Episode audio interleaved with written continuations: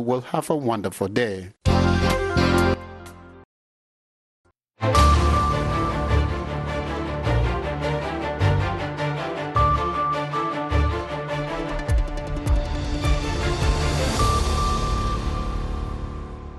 subax wanaagsan dhegeystayaal ku soo dhowaada idaacadda subaxnimo ee laanta af soomaaliga v o a oo idinkaga imaaneysa washington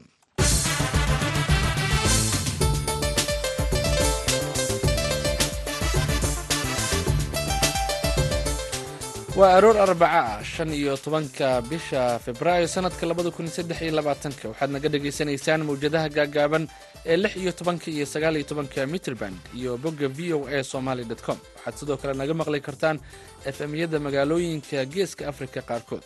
Saacadda afrikada bari waa lixdii iyo barkii aroornimo.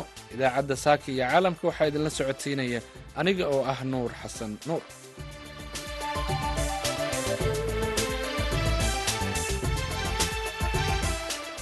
qodobada aad ku maqli doontaan idaacaddeenna saaka iyo caalamka. Waxaa ka mid ah baarlamaanka ismaamulka soomaalida ee etoobiya oo su'aalo weydiiyey madaxweyne mustafe maxamed cumar dhanka la dagaalanka argagixisada guusha laga soo hooyey dagaalkii al-shabaab waxay tilmaamaysaa awoodda hay'adaha amniga ee dhanka surdoonka iyo xugaanka iyo awoodda ciidamada deegaanka. Markii ay fashilantay iskudaygii ahaa in gudaha ay soo galaan al-shabaab ay qorsheynayeen. Fashilaadaas ku dhacday waxay keentay in boqolaal ciidan ah ay isku dayaan in la soo geliyo deegaanka waxaad kale oo aad maqli doontaan xogayaha guud ee nato oo ku baaqay in si deg deg ah loo ansixiyo codsiga dalalka sweden iyo finland ee ku biirista ururka. Qodobadaasi iyo warar ku saabsan ciyaaraha ayaan idiin haynaa balse intaas oo dhan waxaa ka soo horreeya warkii caalamka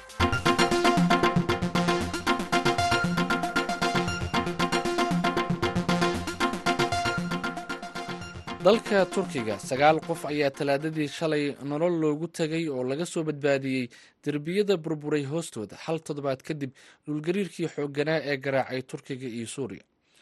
Kuwa la soo badbaadiyey ayaa waxaa ku jiray laba wiil oo walaalo ah oo mid uu ahaa toddobiyo toban jir kan kalena koob iyo labaatan sano jir. Labaduba waxaa laga soo bixiyey guri abaartamento ah oo ka mid ah guryaha ku burburay gobolka kahramaan marash ee dalka turkiga magaalada antakiya ee caasimada gobolka hatay ee dalka turkiga waxaa burburka hoostiisa laga soo badbaadiyey gabar iyo wiil u dhashay dalka suuriya kuwaas oo derbiyada dumay hoostooda ku go'doonsanaa wax ka badan laba boqol oo saacadood.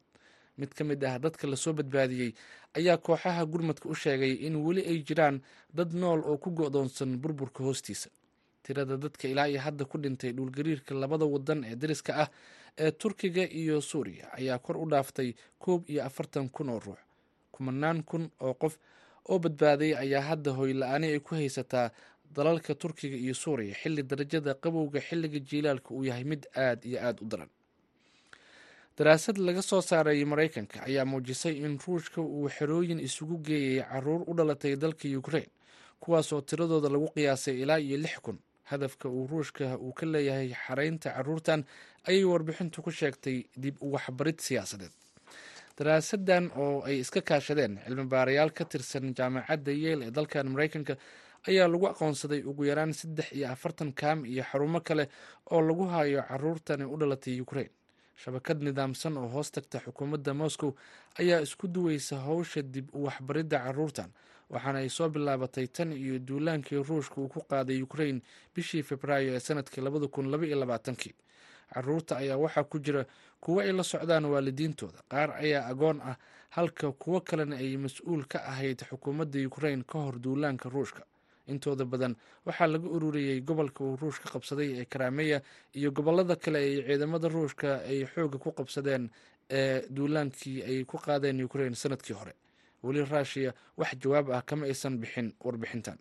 Warkii caalamka waa naga intaa u diyaar garooba qeybaha inooga haray idaacaddeenna saaka iyo caalamka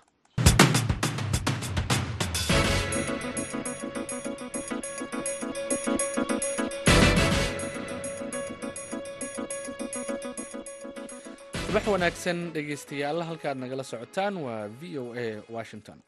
Waxaa shalay la soo gebagabeeyey kalfadhigii afraad golihiisa lixaad ee xildhibaanada dowlad deegaanka soomaalida ee etoobiya oo muddo laba maalmood ah ka socday magaalada jigjiga ee caasimada dowlad deegaanka.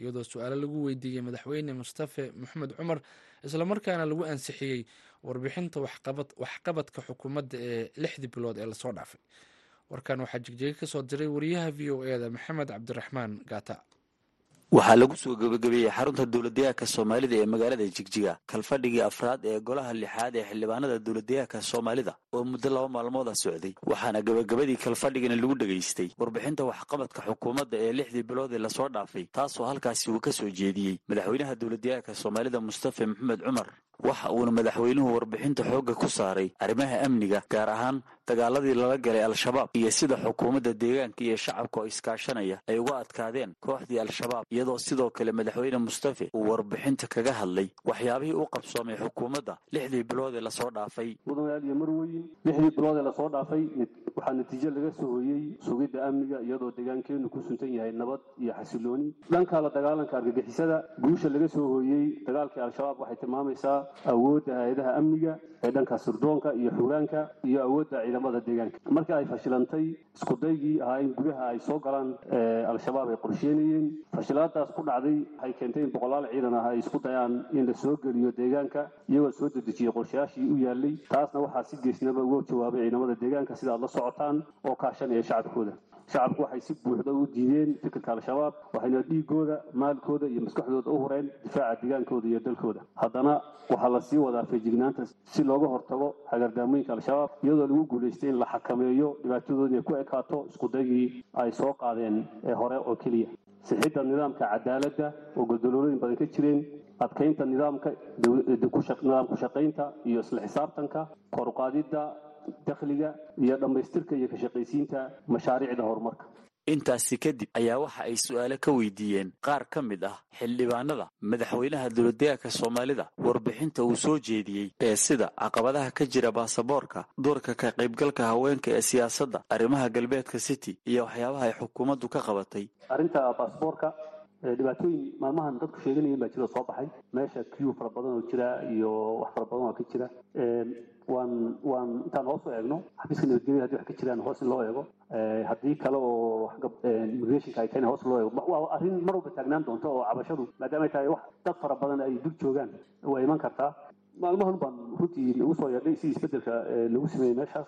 Marka dareen yar waxyaala yar dhibaatooyin jira waan qabnaa laakiin bal aan si fiican u hubsanno xildhibaanadu ku mahadsan yihiin ay soo jeediyaan arrinta wax laga qabto mudnaanta dumarka iyo ka qaybgalka fagaarayaasha kala duwan nabadgelyada guddiyada kale sideeda in loo qaato. Daarashin ahaan waa hundred percent waa raacsannahay aadna waan u riixaynaa dhawaanahana reer deegaan iyo meelihii kale lasla qaatayba isbedelaa ka jiri doonaan qabnaa. Haddana laftigeeda go'aanka anagu waxaa wixii banaanaaday ee cusbaaday in haweenka gaar ahaan baarlamaanka laga qaado muxuu ahay siidiyada oo la dhiirigeliyo inay shaqooyinkan galaan. Arrimaha galbeedka city diyaargarow fiican iyo difaac fiican labada waa la sameeyey shacabka aaga ka soo jeeda madax dhaqameedka siyaasiyiinta cid walba way ogtahay waxa iska bedela aaga dacayaadka social media dhulkii degmooyinkii la bixiyaba haddana dib loo qabsaday waa dacayaad social media laakiin xaqiiqadu waxa weeye hundred percent degmada daymeed ee xagga qaras oo kale way sugan tahay ammaankeedu dood dheer iyo falanqayn kadib ayaa waxay xubnaha xildhibaanada ee dowladdeegaanka soomaalida ansixiyeen warbixinta waxqabadka ee xukuumadda ee lixdii bilood ee la soo dhaafay iyadoo halkaasna lagu dhaariyey xubnaha komishinka baadhista tacadiyada ka dhacay dowladdeegaanka soomaalida oo ka kooban toddoba xubnood waxaana halkaasi lagu soo xidhay kalfadhigii afraad ee golaha lixaad ee xildhibaanada dowladdeegaanka soomaalida maxamed cabdiraxmaan gaata v o a magaalada jigjiga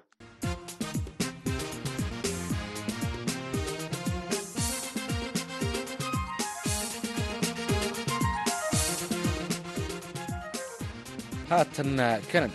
Dowladda kanada waxa ay dhowaan soo bandhigtay barnaamijyo ay ku hubinayso sidii muddo kooban ay degenaanshaha dalkaasi ku heli lahaayeen shaqaalaha qaar. Sidoo kale kanada waxay kordhisay tirada dadka magangelyo doonka ah ee ay geynayso dalkeeda. Laakiin waxaa jira dad ku sugan gudaha dalkaas oo ay ka mid yihiin dhallinyaro soomaali ah oo aanan helin sharci kuwaas oo dalbanaya in wax laga qabto arrimahooda. Warbixin arrintaasi ka hadlaysa waxaa toronto ka soo diray wariyaha v o eeda xuseen nuur xaaji saddexda sano ee soo socota waxay kanado qorsheynaysaa inay dalkeeda keento isugeyn hal dhibic shan milyan oo qof. Waa arrin ay dad badan soo dhoweeyeen weliba ay ku ammaaneen kanada iyo sida ay u garab taagan tahay. Dadka ka soo cararaya dagaalada iyo kuwa raadinaya nolol wanaagsan oo dhaanta tan dalalka ay ku nool yihiin. Laakiin waxaa jira dad badan oo siyaabo kala duwan ku yimid dalkan oo ay ka mid yihiin dhalinyaro soomaali ah oo muddo jooga welina aanan helin sharciga kanada kuwaasoo cabashadooda kala hadlay xildhibaano ka tirsan dowladda bulshada soomaaliyed ku nool dalkan canada waxaa jira dad muddo badan sharci darro waddanka ku ah. Dad waxaa jira maxkamadii laga saaray oo dib haddana loo soo gelin. Qaar kaleo waxaa jira cusub oo aan loo qabanin looyaradii iyo maxkamadda ay mari lahaayeen. Marka si guud ahaaned dhibaatada soomaalida joogta dalkan canada oo aad u tiro badan oo u baahan in sharci gudahan lagu siiyo ayaanu kala hadlaynay.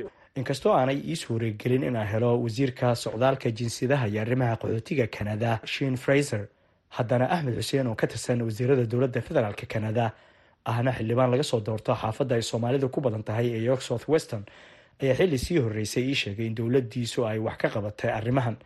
Welina ay wadaan dadaallo wax looga qabanayo dhallinyarada aanan haysan sharciga dalkan. Dad badan oo waxaa jiro sharci la'aan ahaa oo sugayay dacwooyinkooda iyo waxyaala noocaas ah oo dowladdii hore ee dayacday annaga arrintaas wax badan baan ka qabanay qof walba ma la gaarin laakiin dad badan baa waxaa laga saaray liistigii ay ku jireen oo waxay heleen fursad inay maaragtay dacwooyinkooda soo bandhigaan. Dad badan baana maaragtay sharcigooda iyo helay noloshoodana ku laabtay inay maaragtay caadi ahaan ugu noolaadaan wadankan oo sharci u helaan. Arrintaas aad baa looga shaqeeyey lacag baa la geliyey shaqaalaa la geliyey dowladda canada oo aniga aan hadda ka mid ahay wax badan bay arrintaas ka qabatay. Boqolkiiba boqol qof walba ma la gaarin laakiin dad badan baa la caawiyey. Dowladda aan ka mid ahay mar walba markay timaado arrimaha qaxootiga aad bay ugu dadaashaa inay tirada badiso intay awoodeeda ay tahay. Waxaana isku daydaa siiba qaxootiga oo shakhsiyaadka ay sponsoraan in tiradaas la badiyo. Taasna waa wax runtii dowladda canada lagu yaqaano taas keliya ma aha. Dowladda canada waxay la shaqaysaa waddamada kale ayaga naftigooda inay nambaradooda badiyaan oo isku dayaan inay mas'uuliyadda qaxootiga la dejinayo wadamadan in ay la qaybsadaan dowladda canada dhanka kale waxaa weli dhibaatooyin haysta dhalinyaro soomaali ah oo ay dowladdu sheegtay in loo celinayo soomaaliya iyagoo lagu eedeeyey in baasabooro aanan soomaali ahayn ay ku soo galeen kanada dadka u ololeynaya sidii dhalinyaradan ay sharci ku heli lahaayeen ayaa wado dadaallo ay doonayaan inay ku baajiyaan tarxiilka. Waa kan abukaati cabdulaahi barrawool oo ka mid a dadka wada dadaaladaasi. Annaga maadaama halkan communitiyada aan wakiil ka nahay dagaal waxaan bilownay wiilashan dhallinyarada ah oo shaqaysta oo laba iyo toban sac kan ugu wada shaqeeya oo qoysaskooda soomaaliya ku masruufa oo sadaqooyinka la baxa wax kasta sameeya in deportationka lagu xukumo iyo tarxiilka lagu xukumo la joojiyo. Dagaalka aan gelaynan waxa waaye xildhibaanada federaalka n d b liberal iyo conservativeka saddexdaba inaan dagaal u galno oo wiilashan wadankana u baahan annaga waagaan soo gelinay wax aqoonsigoodna la weydiiyey ma wax ma aadna wadan documenti maadna waa tuurnaan dhahna documentigii maganaysa sharci baa la soo saaray oo la leeyahay qof kasta oo soomaali sheegta soomaali ha loo aqoonsado. Marka hadda in lagu xujeeyo wiilashan baasaboor kalaa soo qaadateen dal kale uu leeyahay soomaali matiin annagaa caddaynayna khubarada qaar ayaa qabaa inay laba arrin oo kala duwan ay kala tahay keenista qaxootiga iyo sharcisiinta kuwa lagu eedeynayo inay qaab sharci darraha ku soo galeen dalkan. Balse dadka u dooda xuquuqda aadanaha ayaa qabaa in sharci la siiyo iyagoo loo eegayo duruufaha ay uga soo carareen dalalkooda xuseen nuur xaaji v o a toronto.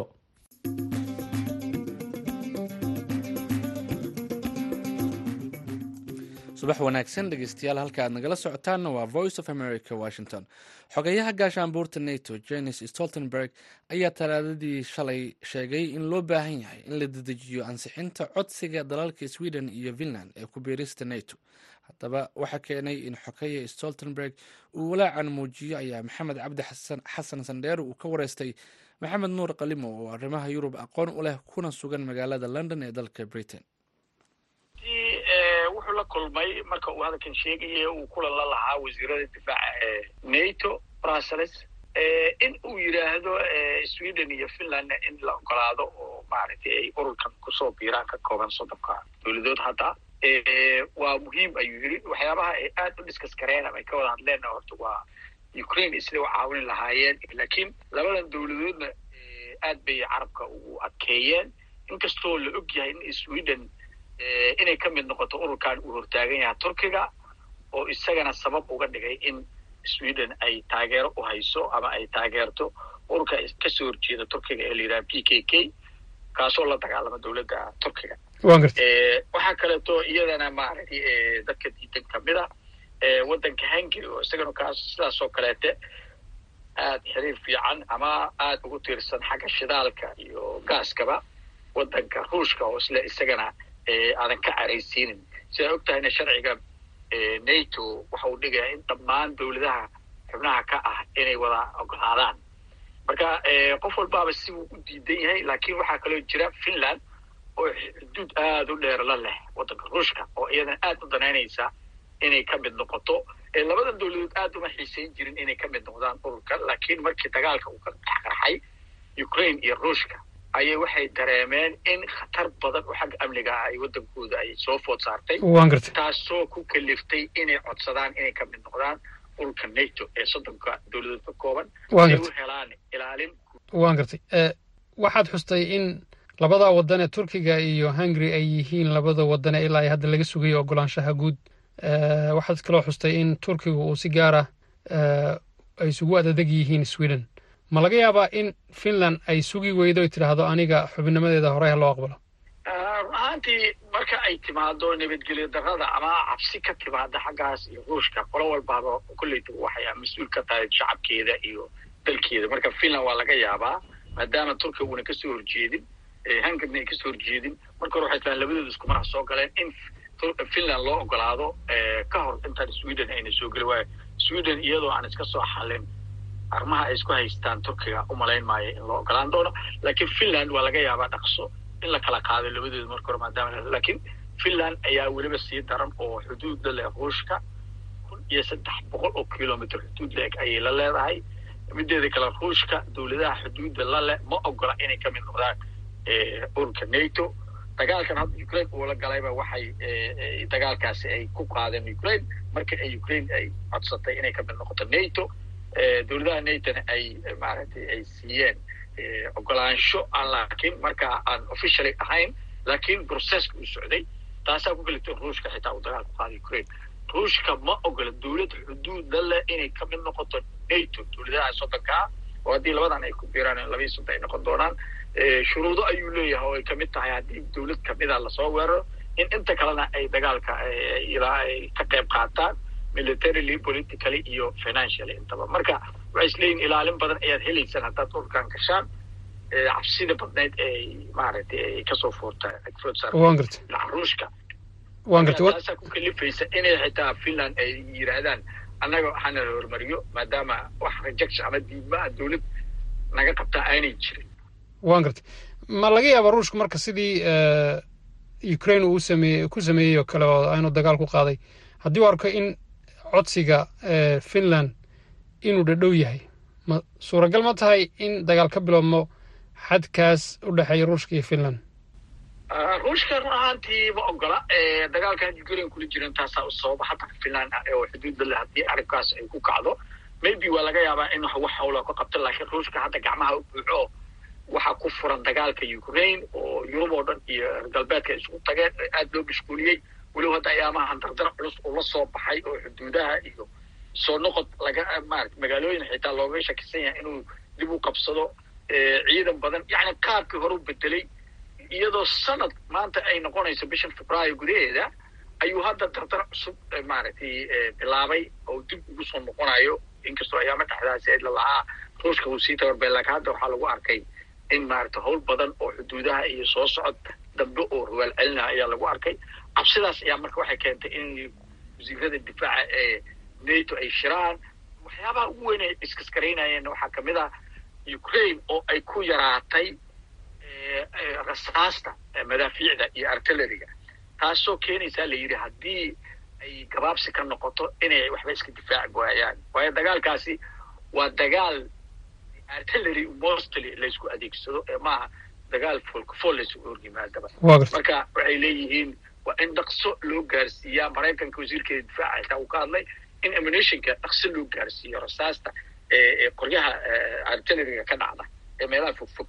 Waayo taa unbaa la isdhaafsiistaa maaha qoryo yaryar oo isgaari kara ama weji ka weji laysku arki karo ciidanku maba dhex maraba mostly waa missiles laisdhaafsiisto labada gadax marka waxaa ruush waxuu ka sii dhamaanayaa ukraine. Marka waxyaabahaasna waxay ahayd waxyaabihii ugu waaweynaa ee maanta laga hadlay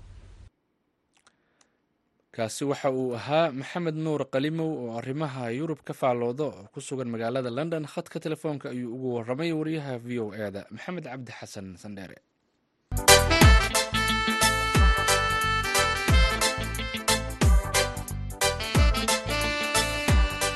haatan beledweyne mashruuc boqolaal dhallinyaro ah lagu barayo xirfadaha gacanta ayaa laga hirgeliyey magaalada beledweyne ujeedada ayaa lagu sheegay in dhallinyarada mustaqbalka ay ku shaqaysan karaan waxyaabaha ay bartaan warbixintan ayaa waxaa beledweyne ka soo diray wariyaha v o eda xuseen xasan dhaqane in ka badan afar boqol oo dhalinyaro ah oo isugu jira wiilal iyo gabdho islamarkaana laga soo kala xulay afarta xaafadood ee magaalada beledweyne iyo xeryaha barakacayaasha ayaa u fariistay imtixaan tijaabo ah si ay uga qayb galaan tababar lagu baranayo xirfadaha farsamada gacanta sida cilad bixinta taleefanada kombyuutarada cunto karinta korontada iyo makaaniga.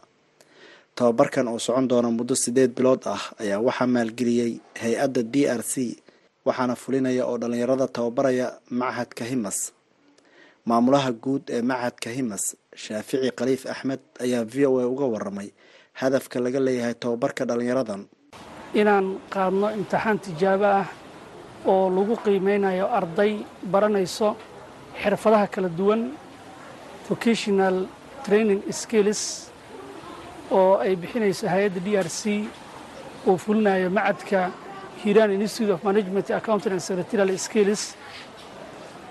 Korsigan waa kors skills ah oo ardada lagu barayo xirfado kala duwan oo ay ugu horeyso qaybta kombyuutarka oo i t ahaan kombyuutarka loo baraayo sida softwareka hardware networking iyo wixii la halmaalo oo qaybta i t-ga information technology-ga ah iyo qaybta labaad oo ah graphic design labadaas qaybood waa qaybta kombyuutarka waxaa kaloo jiro qayb electricity ama korontada ah oo lagu kala barayo ardada qaybta barandiistaha ah ama building electrician and plumbing sida guryaha korontada loo geliyo iyo tubooyinka biyaha iyo wixii la ah.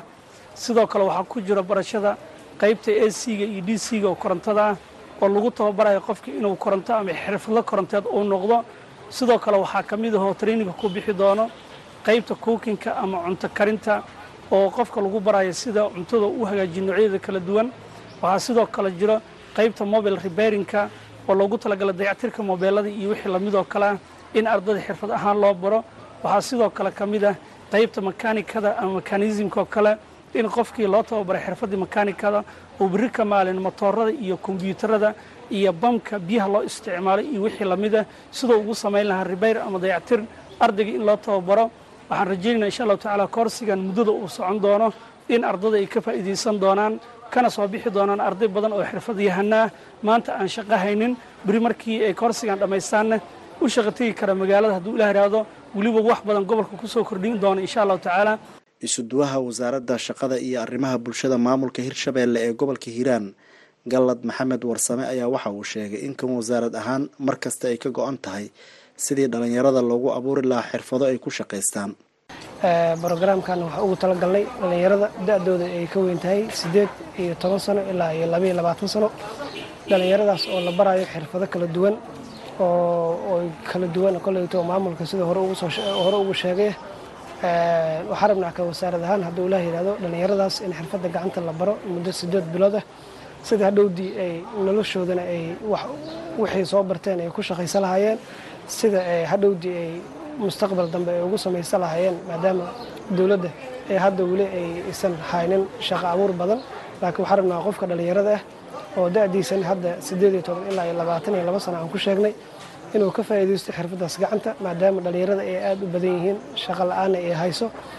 Qofkan markii uu bartay xirfadda gacanta waxay ka saacidi doontaa inuu qofkaas nafsad ahaantiisa oo isdheerogeliyo sida oo mustaqbal oo hadhowdii oo u samaysto maxay ahayd brogaraamyadaas oo ay ka mid yihiin sida kombyuutarada oo kale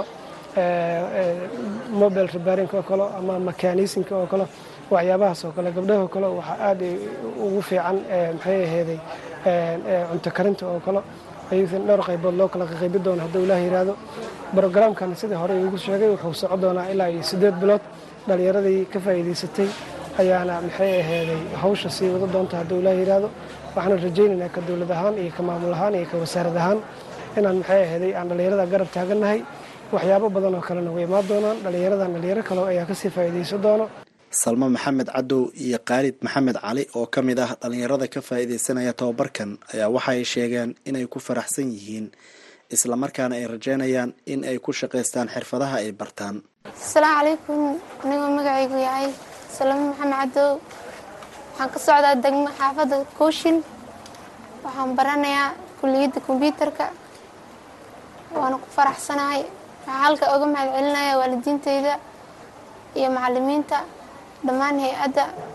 Asalaamu calaykum. Ugu horey magacay waa khaalid maxamed cali waxaan maanta ku faraxsanahay in noona furo iskuulkan oo aan ku barno kombyuutarka sida oon aan rajeynay inaan mustaqbal fiican gaarno oo dalkiin wax ugu qabsano oo aan ku shaqaysano waxaan rabaa inaan si fiican ugu barto kombyuutarka iyo waxyaabaha kaleeto oo meesha iskuul ka baxo. Xuseen xasan dhaqane v o a beledweyne. Mahadsanid xuseen dhinaca ciyaaraha haddii aan fiirino xalay waxaa dhacay ciyaaro ka tirsan koobka kooxaha horyaalada yurub wareega lix iyo tobanka lugtiisa koowaad.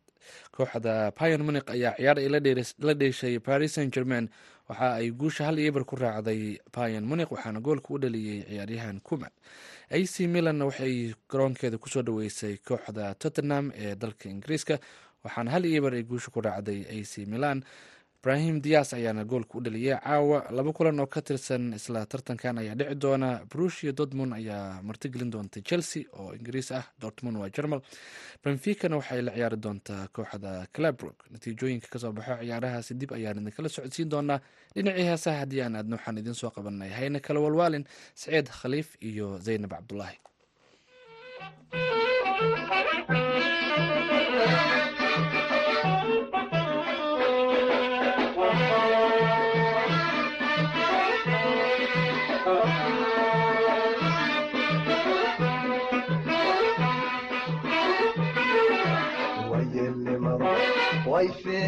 fiican tahay waaya arageeda wayelnimadu way fiican tahay waaya arageeda duqunbaa waqtiga jooga iyo garan wadkeede garan wadkeede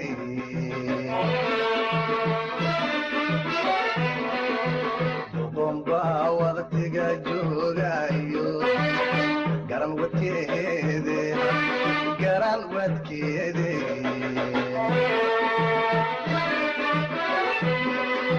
waraabuhuba wiilbu qadayo wabax la mooda.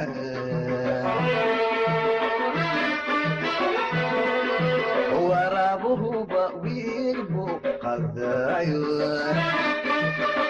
wabax la mooda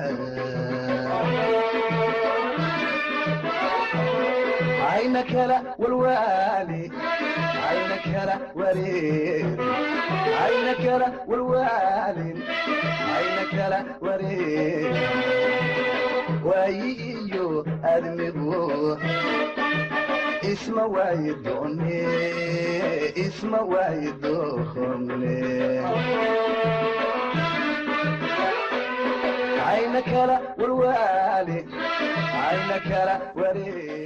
heestaasi ayaan idinkaga tegi doonaa dhegeystayaal waxaa ku luuqeynaya saciid khaliif iyo allahu naxariistee fanaanada zaynab cabdulaahi idaacaddeenina waa naga intaa tan iyo kulanti dambe waa v o a oo idin leh sidaa iyo subax wanaagsan